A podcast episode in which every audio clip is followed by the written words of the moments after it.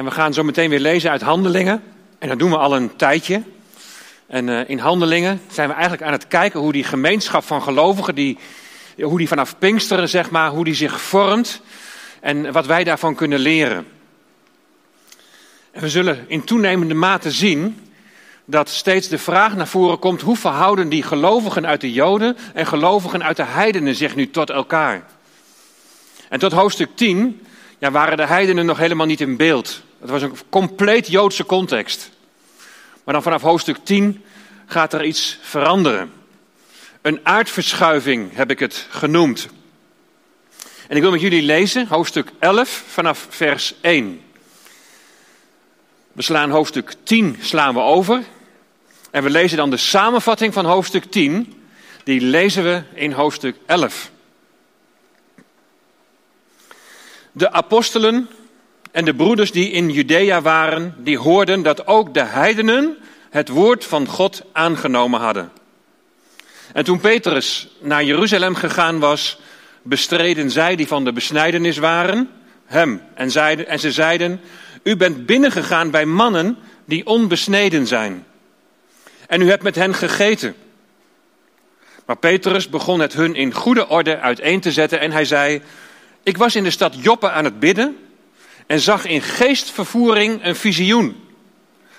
Een bepaald voorwerp daalde neer, dat leek op een groot linnen laken. Dat aan vier hoeken neergelaten werd uit de hemel. En het kwam dicht bij mij.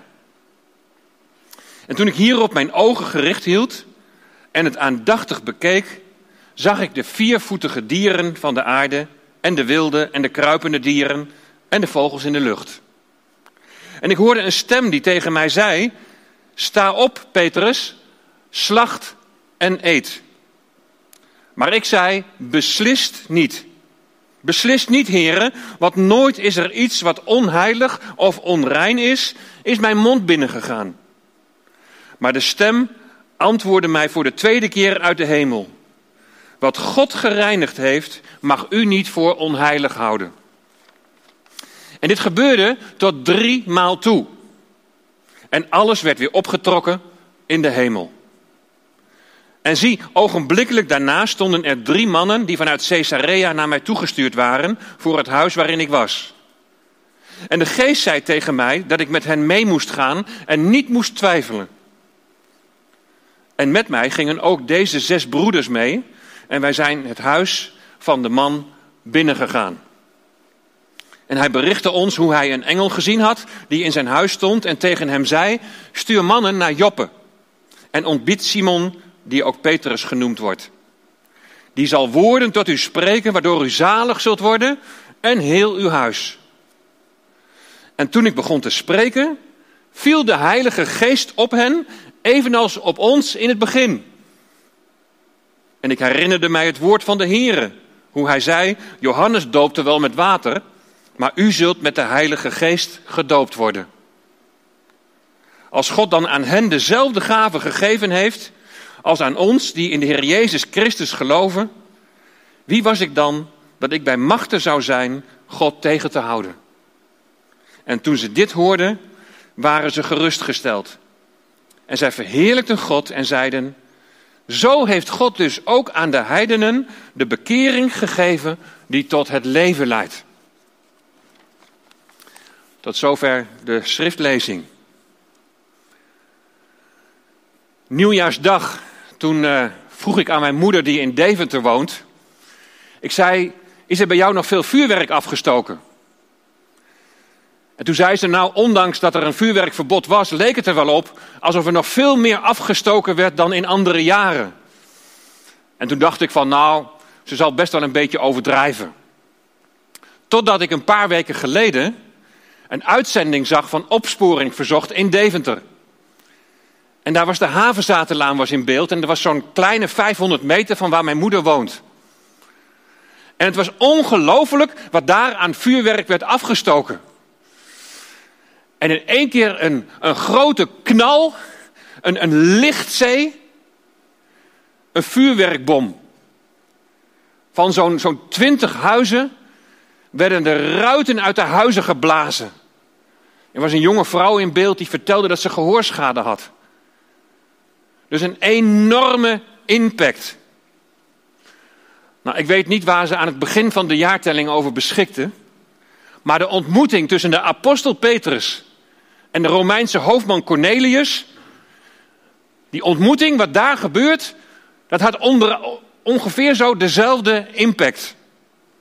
Hier vindt als het ware een heuse aardverschuiving plaats. Figuurlijk gezien natuurlijk.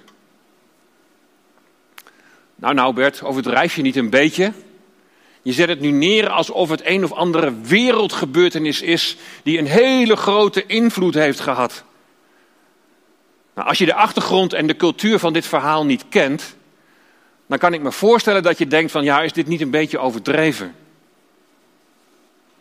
Als je niet weet wat de uitwerking hiervan is, namelijk dat wij als heiden een deel hebben gekregen aan het evangelie, dan vind je het misschien een beetje over de top om zomaar van een, van een aardverschuiving te spreken.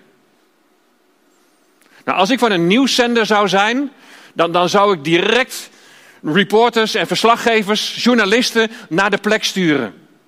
Want het is ongelooflijk wat hier gebeurt. Zowel de ontmoeting als wat daaruit voortvloeit. En uiteraard geef ik de verslaggevers dan vooraf informatie mee. Kunnen ze alvast in het vliegtuig een beetje bekijken. Allereerst even een geografisch inzicht. Want wie heeft er gehoord van Caesarea of van Joppe? Joppe zul je op dit moment op de landkaart niet eens vinden. Maar gelukkig hebben we tegenwoordig Google Maps. En natuurlijk, Peter, we hebben ook Waze. Hè? En, als je daar intypt, als je daar intypt Joppe, Israël, hè, dan wordt het automatisch wordt het veranderd in Jaffa. Dus Joppe heet nu Jaffa. Jaffa ligt aan de Middellandse Zee. En Jaffa ligt hoog en dan kijk je zo op het strand van Tel Aviv. Jaffa en, Job, Jaffa en Tel Aviv liggen, liggen tegen elkaar aan. Laten we eens kijken hoe Petrus in Jaffa is gekomen. Hij was in Lydda. Je ziet hier het landkaartje. Daar zie je waar, waar ligt. En daar is Eneas, een verlamde man. En tegen deze man zegt Petrus het volgende. Eneas, Jezus Christus maakt u gezond. Sta op en maak zelf voor uzelf uw bed op. En hij stond meteen op. En allen die in Lydda en Sarona woonden, die zagen hem en bekeerden zich tot de Here. Tegelijkertijd is er in Joppe, in Jaffa, is er een discipelin, Talita, wat betekent Dorcas. En Tabitha is gestorven. En ze vragen Petrus dan om naar Joppe te komen. En als hij daar aankomt, dan gaat hij bidden. Hij gaat op zijn knieën en hij keert zich dan naar het lichaam van Tabitha. En dan zegt hij tegen Tabitha, sta op. En zij deed haar ogen open. En zodra zij Petrus zag, ging zij overeind zitten. Wat mij opvalt is dat daar discipelen aanwezig zijn. Tabitha wordt ook een discipelin genoemd. Maar wat mij opvalt is dat Petrus niet tegen ze zegt van... jullie hadden mij helemaal niet hoeven te roepen... want jullie hebben dezelfde autoriteit om iemand uit de dood op te wekken. Nee, dat zegt hij niet. Hij verwijt hun ook niet hun ongeloof. Wat Petrus hier doet is het teken van een apostel. Wonderen en tekenen die gepaard gaan met de verkondiging. En dan staat er in hoofdstuk 9, vers 42.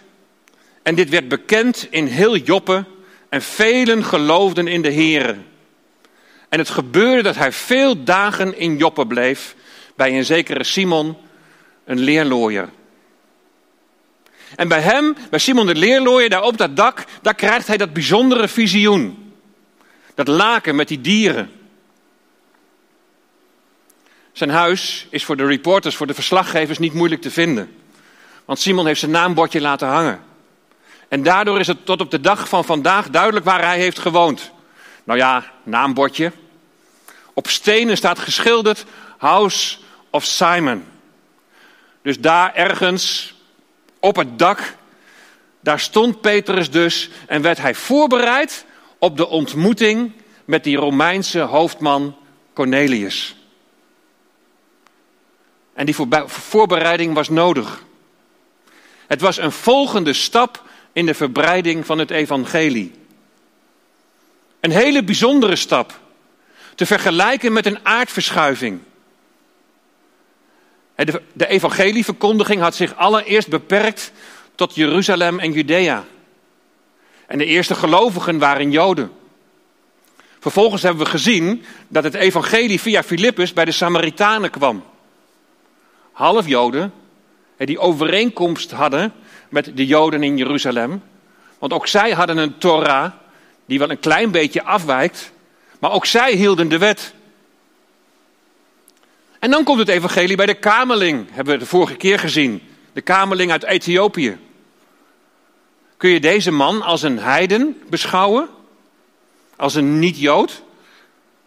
Hij was naar de tempel geweest om God te aanbidden. Hij had een boekrol bij zich en hij las uit de profeet Jezaja. Wat wel de Griekse vertaling was die hij gebruikte. Maar dan is het opmerkelijk dat Filippus de Jood bij hem op de wagen plaatsneemt. Filippus beschouwt hem blijkbaar niet als heiden. Niet als niet-Jood.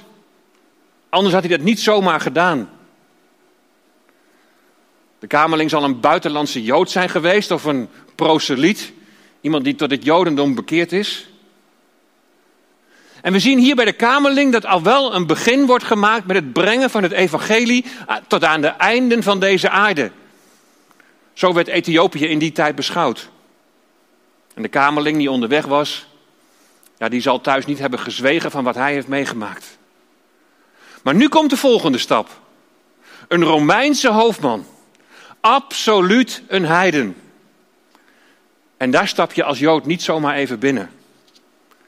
Nou, niet zomaar. Daar is geen sprake van dat je dat als Jood zult doen. Bij zo'n man ben je in het hol van de leeuw. Hij werkt voor de bezetter. En daar komt bij dat heidenen dus in de ogen van Joden onrein waren. En dan moet je je niet besmetten door met hen om te gaan. Je mag niet met ze omgaan en je mag zeker niet met ze eten. Dus voorbereiding voor die ontmoeting was zeker nodig. En we gaan zo meteen kijken hoe die voorbereiding in zijn werk ging bij Petrus. Maar we gaan eerst even naar die andere plaats. Caesarea. je ziet het voor je toch, die, die journalisten in het vliegtuig en die zijn die informatie maar aan het doorswipen en, en doornemen. Ze moeten zich heel goed voorbereiden op het verslaan van deze bijzondere ontmoeting. En weet je, ook voor ons, voor jou en mij is dit zo belangrijk om ook zo, op zo'n manier met die Bijbel bezig te zijn. Te snappen wat de achtergronden zijn, wat de cultuur is. Om ook te snappen wat de impact is van deze ontmoeting. Dat we een beetje geografisch inzicht hebben. We gaan eens kijken wat we van, van Caesarea te weten kunnen komen. Caesarea ligt zo'n 53 kilometer ten noorden van Joppe, ten noorden van Jaffa aan de Middellandse Zee. Nog even weer hetzelfde plaatje erbij. Als je daar nu, anno 2021, naartoe gaat, dan vind je daar nog de restanten van een aangelegde haven van Herodes. Een theater dat plaats biedt voor 4000 toeschouwers. Het paleis van Herodes. Een amfitheater waar paardenraces werden gehouden. Een pilaar met een inscriptie van Pilatus. En een tempel gewijd aan de godin Roma en keizer Augustus. Voor de Romeinen was Caesarea was de poort naar het Midden-Oosten. Een handelsstad, de residentie van de stadhouder. En omdat Caesarea de basis was voor het Romeinse militaire bestuur, beschouwden de Joden in Jeruzalem Caesarea als een heidense stad. Je had daar als Jood niets te zoeken. Daar was Cornelius gestationeerd, een Romeins hoofdman, een centurio die verantwoordelijk is voor honderd man. Een geboren Romein, maar onder de indruk gekomen van de God van Israël.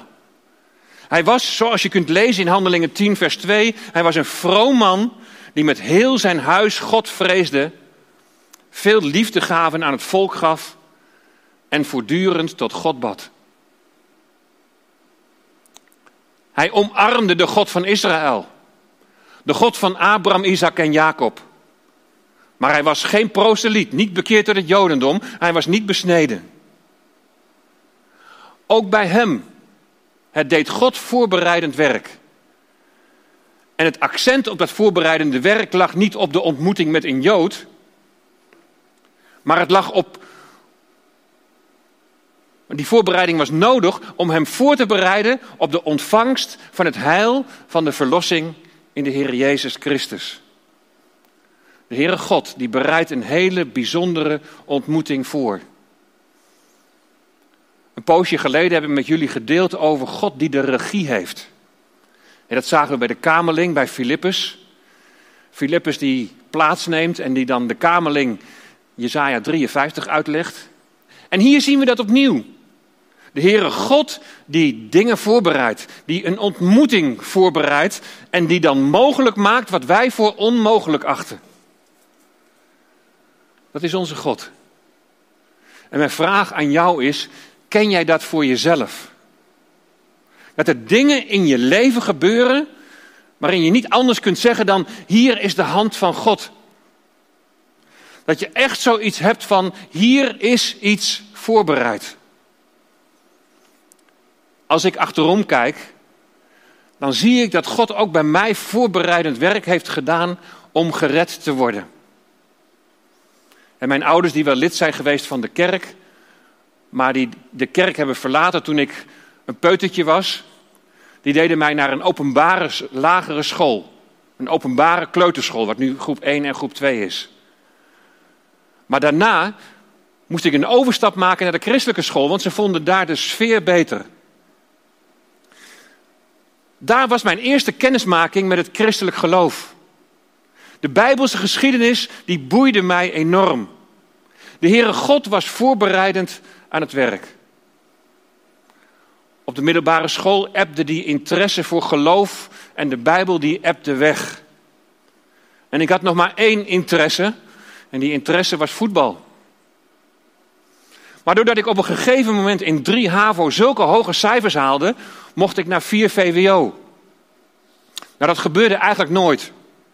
Van 2 naar 3 was dat nog wel mogelijk, maar van 3 naar 4 was eigenlijk heel uitzonderlijk. Maar door die overgang kwam ik bij Karin in de klas. En we kregen verkering. En ik ging met haar naar de kerk, nou, et cetera, et cetera, et cetera. Dit werd mijn weg naar redding. God was voorbereidend aan het werk geweest. En ik zou daar nog veel meer voorbeelden van kunnen vertellen.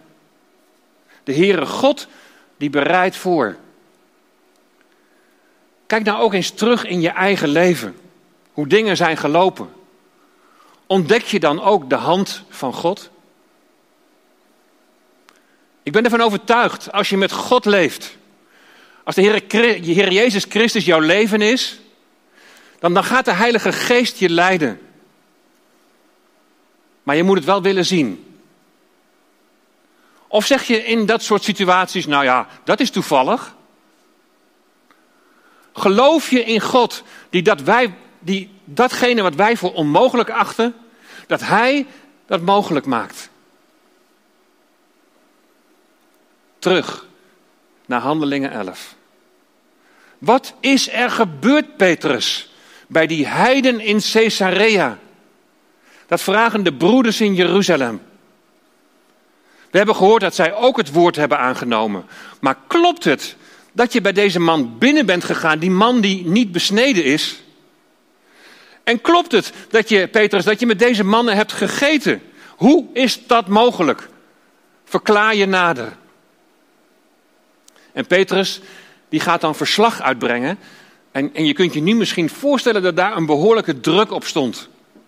Logisch, want het was ook een aardverschuiving. Het was not done om zo met heidenen om te gaan, laat staan met ze te eten. Vertel Petrus, wat is er gebeurd? Ik was aan het bidden. En toen raakte ik in geestvervoering.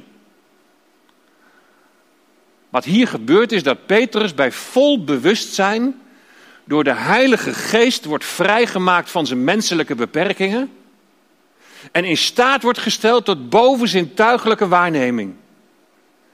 En die bovenzintuigelijke waarneming is in het geval van Petrus een visioen dat hij krijgt. Ik zag een soort van laken dat uit de hemel neerdaalt en ik zag allerlei soorten dieren. En ik kreeg van God de opdracht: sta op, Petrus, slacht en eet. Maar ik zei beslist niet, heren, want nooit is er iets wat onheilig of onrein is mijn mond binnengegaan. Nou, de verslaggevers in het vliegtuig die zullen hier helemaal niks van begrijpen. Die hebben geen idee van de wetten van God. En ze zullen dan ook geen idee hebben waarom Petrus zo resoluut weigert. Bij de mannen in Jeruzalem ligt dat natuurlijk anders. Hun gedachten zullen ongetwijfeld zijn gegaan naar Leviticus 11, naar de, naar de, naar de spijswetten. Daar wordt onder andere bepaald dat alleen viervoetige dieren, die kauwen en gespleten hoeven hebben, dat die kosher zijn. Die zijn kosher, die zijn geschikt voor Joodse mensen om te eten. Reptielen zijn niet toegestaan. En toegestane vogels, die worden met name genoemd. En daar staan niet de vleermuizen bij, niet toegestaan. In Petrus' visioen verschenen allerlei soorten dieren, die kosher en die niet kosher zijn. En Petrus die vraagt zich af, wat betekent dit visioen? Zou God, die zijn verbond met zijn Joodse volk op de berg Sinaï heeft gesloten en daar, de Torah heeft gegeven, zou hij zijn Torah veranderen om onreine dieren nu ineens rein te verklaren? Deze uitleg die wordt wel eens door christenen gegeven en ook als onderbouwing gebruikt om Joden die tot geloof in de Heer Jezus zijn gekomen, om ze erop te wijzen dat ze niet meer als Jood naar de Torah moeten leven. Maar de Heer Jezus heeft gezegd: Denk niet dat ik gekomen ben om de Torah af te schaffen. Petrus, die, die Jezus als Messias navolgt, is na zijn bekering is gewoon Jood gebleven. En in overeenstemming met de Torah houdt hij zich aan de spijswetten. Anders had hij ze toch helemaal niet druk gemaakt bij dit visioen. Dan had hij niet gezegd van nee, beslist niet, heren. Nergens wijst de Heer Jezus of Paulus de Torah af. Ja, hij is in Christus vervuld. Christus is als het ware de wandelende Torah. Door geloof in hem wordt Petrus door de wet niet meer veroordeeld tot de dood. Omdat Christus de wet heeft volbracht. Hij was immers volmaakt en zonder zonde. En door geloof in Jezus de Messias verwacht Petrus geen redding door het stipt naleven van de Torah. Nee, Petrus is gered door genade. Maar hij blijft Jood. En hij zal dus bepaalde dieren absoluut niet eten. Hoe zit het nou met dat visioen? Nou, in Handelingen 10, vers 28, daar kun je lezen dat Petrus begrijpt wat de betekenis van dit visioen is. En daarover zegt hij het volgende. U weet dat het een Joodse man niet toegestaan is om met iemand van een ander volk om te gaan of bij hem binnen te gaan. Maar God heeft mij laten zien dat ik geen mens onheilig of onrein mag noemen. Het visioen gaat dus over personen, niet over dieren of voedsel. Waar God Petrus in dit visioen op aan het voorbereiden is, dat is een ontmoeting met iemand van een ander volk bij wie hij binnen moet gaan. En dan ineens dan staan er drie mannen aan de deur die vanuit Caesarea door Cornelius naar hem toe zijn gestuurd. Bij Cornelius was een engel geweest. Ook daar is God voorbereidend aan het werk geweest. En die engel had tegen Cornelius gezegd dat hij mannen naar Joppe moest sturen om Petrus te halen. En die engel zei, die Petrus, die zal tot u spreken, waardoor u zalig zult worden en heel uw huis. Wat Petrus niet voor mogelijk had gehouden. En wat aanvankelijk tot grote ontsteltenis leidde bij de broeders in Jeruzalem, dat bereidt God voor en hij maakt het onmogelijke mogelijk. Een aardverschuiving. En niet alleen doordat Petrus een, een heidense Romeinen hoofdman bezoekt, maar ook om wat daar gebeurt. En daar gebeurt hetzelfde als op de Pinksterdag. De Heilige Geest wordt uitgestort. Misschien, als je nu zit te kijken en te luisteren, misschien, misschien herken je wel iets van jezelf in deze Cornelius. Natuurlijk niet een Romeinse hoofdman, maar wel een, een religieus man. je bidt voor het eten, misschien ook wel voor het slapen gaan, aan het begin van een nieuwe dag. Je hebt ontzag voor God, en net zoals dat bij Cornelius het geval was. En je draagt financieel je steentje bij. En to toch weet je dat er iets ontbreekt. Misschien dat je denkt dat het geen ontbreekt, dat het niet voor jou is. Die onvoorwaardelijke liefde van de Heer Jezus Christus. Hij die jou wil redden. Hij die jouw zonde wil vergeven. En hij die jou in de vrijheid wil zetten. Vrij van zonde en schuld. Wel voor Cornelius, een Romeinse hoofdman, en niet voor jou? Moet er dan eerst een licht uit de hemel komen, zoals bij Saulus, die onderweg is naar Damascus? Bij hem greep God radicaal in. Maar dat was ook wel nodig. Hij was een vervolger van de gemeente. En hij wordt uitgekozen als een uitverkoren werktuig. Hij wordt gemaakt tot verkondiger van het evangelie. Of moet er eerst zoiets speciaals gebeuren als bij Cornelius en de zijnen? Dat een engel op bezoek komt. Wat er met de Joden gebeurt op de Pinksterdag. En het vergelijkbare wat hier gebeurt in Caesarea met de eerste heiden die tot geloof komt, zijn bijzondere momenten. Die een nieuwe stap laten zien in, de vormen van in het vormen van een geloofsgemeenschap die de Heer Jezus Christus navolgt. Het is een aardverschuiving. Petrus en de zijnen, ze waren buiten zichzelf dat ook de heidenen de Heilige Geest ontvingen. En dat het precies zo ging als op de Pinksterdag. Weet je, als je tot geloof komt, dan vindt er van binnen vindt er een aardverschuiving plaats. Het is een bevrijdingsoperatie door de Heere God, door zijn geest uitgevoerd.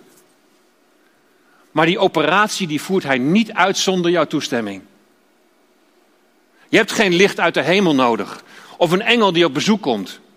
Oh ja, dat, dat is mogelijk, dat kan. Ook die getuigenissen die horen we wel, maar het is niet nodig. Waar het om gaat is dat je in geloof aanvaardt wat God in zijn woord zegt. Dat je in geloof aanvaardt dat de Heer Jezus de Zoon van God is. Dat Hij jouw bevrijder is. Dat Hij ook voor jou aan het kruis is gegaan om jouw zonde te vergeven. Om jou te bevrijden uit de macht van de zonde. En Jood en Heiden, dat duidt juist aan dat het voor iedereen is. Dus ook voor jou. Voor beiden gold, voor Jood en Heiden, dat de Heilige Geest op hen viel. In vers 16 wordt dat omschreven als een doop in de geest. Jood en heiden worden in het tot geloof komen in de Heer Jezus Christus, worden ondergedompeld in de Heilige Geest. Vervuld met de geest die een woning in hem maakt. Voor Petrus en voor de mannen in Jeruzalem is het een mysterie. Zij erkennen wat, wat er met Cornelius en de zijnen is gebeurd, maar ze kunnen het allemaal nog niet plaatsen. Paulus, de dertiende apostel, die zal gaandeweg zal dit mysterie onthullen.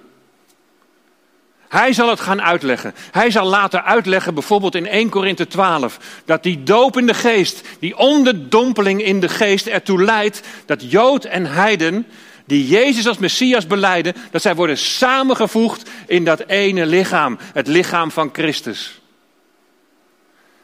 En in het lichaam van Christus, daar worden, daar worden mensen samengevoegd die elkaar niet hebben uitgezocht. Die allemaal heel verschillend zijn. Die absoluut niet zomaar over alles hetzelfde denken. Maar bij allen is er wel sprake geweest van een innerlijke aardverschuiving. Bij de een spectaculair en bij de ander door eenvoudig gelovig te aanvaarden dat de Heer Jezus redder en Heer is. Zullen die verslaggevers er iets van snappen? Als je zelf niet geestelijk bent, snap je ook de geestelijke dingen niet. Maar wij weten dat daar in Caesarea een wonderlijke eerste stap is gezet. Dat ook wij heidenen deel hebben gekregen aan het evangelie. En dat wij samen met de Joden, die tot geloof zijn gekomen in Jezus de Messias, zijn samengevoegd in dat lichaam van Christus. En weet je, het functioneren van dat lichaam, dat wordt niet verhinderd door maatregelen van de overheid. Als dat functioneren wordt verhinderd, dan ligt dat in onszelf. Want het lichaam is iets anders dan een kerkgebouw. En hoezeer ik er ook naar verlang om weer samen te komen. En hoe meer ik ook ongeduldig word. En we voortdurend aan het afwegen zijn, wat is wijsheid? Gaat het deel hebben, wij als heidenen, aan het lichaam van Christus en samen verbonden zijn met het hoofd, gaat ver uit boven de wijze waarop wij als gelovigen samenkomen. Hey, dat kan met 500, 600 mensen en dat willen we natuurlijk graag en, en daar is ook helemaal niks mis mee. Maar die verbondenheid, die, die kun je ook ervaren met die ene broer of zus. En dan zijn er soms van die, van die kostbare momenten dat de Heere God iets voorbereid heeft. Een ontmoeting die Hij voorbereid heeft. En dan kun je elkaar bemoedigen. Dan kun je voor elkaar bidden. Dit weekend is Laurent Dubreuil uit Canada. Die is wereldkampioen schaatsen geworden op de 5 kilometer. Eigenlijk een Nederlandse afstand. Dus het was een complete verrassing. Dubreuil die kon vanaf maart kon hij niet trainen op een ijsbaan. Vanaf maart vorig jaar heeft hij slechts drie weken op een ijsbaan kunnen schaatsen. Hij heeft deze winter, heeft hij in zijn eentje, heeft hij in zijn garage heeft hij getraind. Maar toch is hij altijd positief gebleven. En hij zei, dit was een les voor mij in volharding, in, in doorzettingsvermogen. En hij zei het volgende. Ik heb alle problemen juist gebruikt als motivatie. Vanaf vorig jaar, maart, tot nu toe. Hoe vaak heb je als je een broer of zus in de Heer tegenkwam, ontmoette, hoe vaak heb je tegen elkaar gezegd, laten we samen bidden? Hoe vaak heb je een broer of zus bemoedigd met een woord van de Heer? Hoe vaak heb je een poging gedaan, ook al vind je digitaal misschien maar helemaal niks, maar om toch aan te sluiten bij het gezamenlijke gebed? Te kijken naar de mogelijkheden. Kijk je samen als kring naar, naar wat maximaal mogelijk is. Ook al gaat het allemaal anders. Gebruiken jullie de problemen ook, ook als, juist als motivatie? Met wie heb je het evangelie gedeeld? Deze tijd is een leerproces voor ons allemaal, voor jou en mij. Ik hoop een proces waarin je leert om zelfstandig en vast in het geloof te staan en, je daarbij, en dat je daarbij niet alleen afhankelijk bent van een kerkdienst, hoezeer je daar ook naar verlangt. Laten wij bidden dat de Heer dat wat wij menselijk gezien voor onmogelijk achten, dat Hij het mogelijk zal maken. Herstel naar hoe het was. Of dat Hij nieuwe wegen zal banen en wij met elkaar mogen ontdekken hoe wij in deze tijd gestalte kunnen geven aan het gemeente zijn met elkaar. Lichaam van Christus, Jood en Heiden samen. Zie jij al dat hij hierin een voorbereidend werk aan het doen is? Ik geloof het vast. Zonder nog te weten wat de uitkomst zal zijn. En die uitkomst, die leg ik in zijn hand. Heer, uw wil geschieden. Laten we samen bidden. Liefdevolle Vader, we komen tot u. O Heer, het was een aardverschuiving. Jood en Heide samen in het ene lichaam. We danken u, Heer, dat wij erbij mogen horen. We danken u dat we kind van u mogen zijn. Maar misschien zijn er vanmorgen wel mensen die, die geluisterd hebben. En die, die, die moeten zeggen, ja, ik kan me wel identificeren met Cornelius voordat die geest werd uitgestort. Religieus. Ik bid wel. Ik ontzag voor God. Ik geef mijn uh, gaven. Maar het gevoel hebben we toch dat er iets ontbreekt. Dan bid ik u, Heer, kom met de kracht van uw Heilige Geest. En dan wil ik de mensen die het betreft wil ik oproepen om hun knieën te buigen. En de Heer Jezus te aanvaarden als redder en verlosser. Hem te danken voor wat Hij heeft gedaan aan het kruis van Golgotha. Vader in de hemel, u bent een God die voorbereidend werk doet. Heer, wilt u het ook aan ons laten zien waar u in deze tijd mee bezig bent. Hoe u deze tijd ja, ons wilt vormen en kneden naar uw beeld. Heer, we hebben zo'n verlangen om weer samen te komen. We zullen ook weer gaan kijken naar wat de mogelijkheden zijn.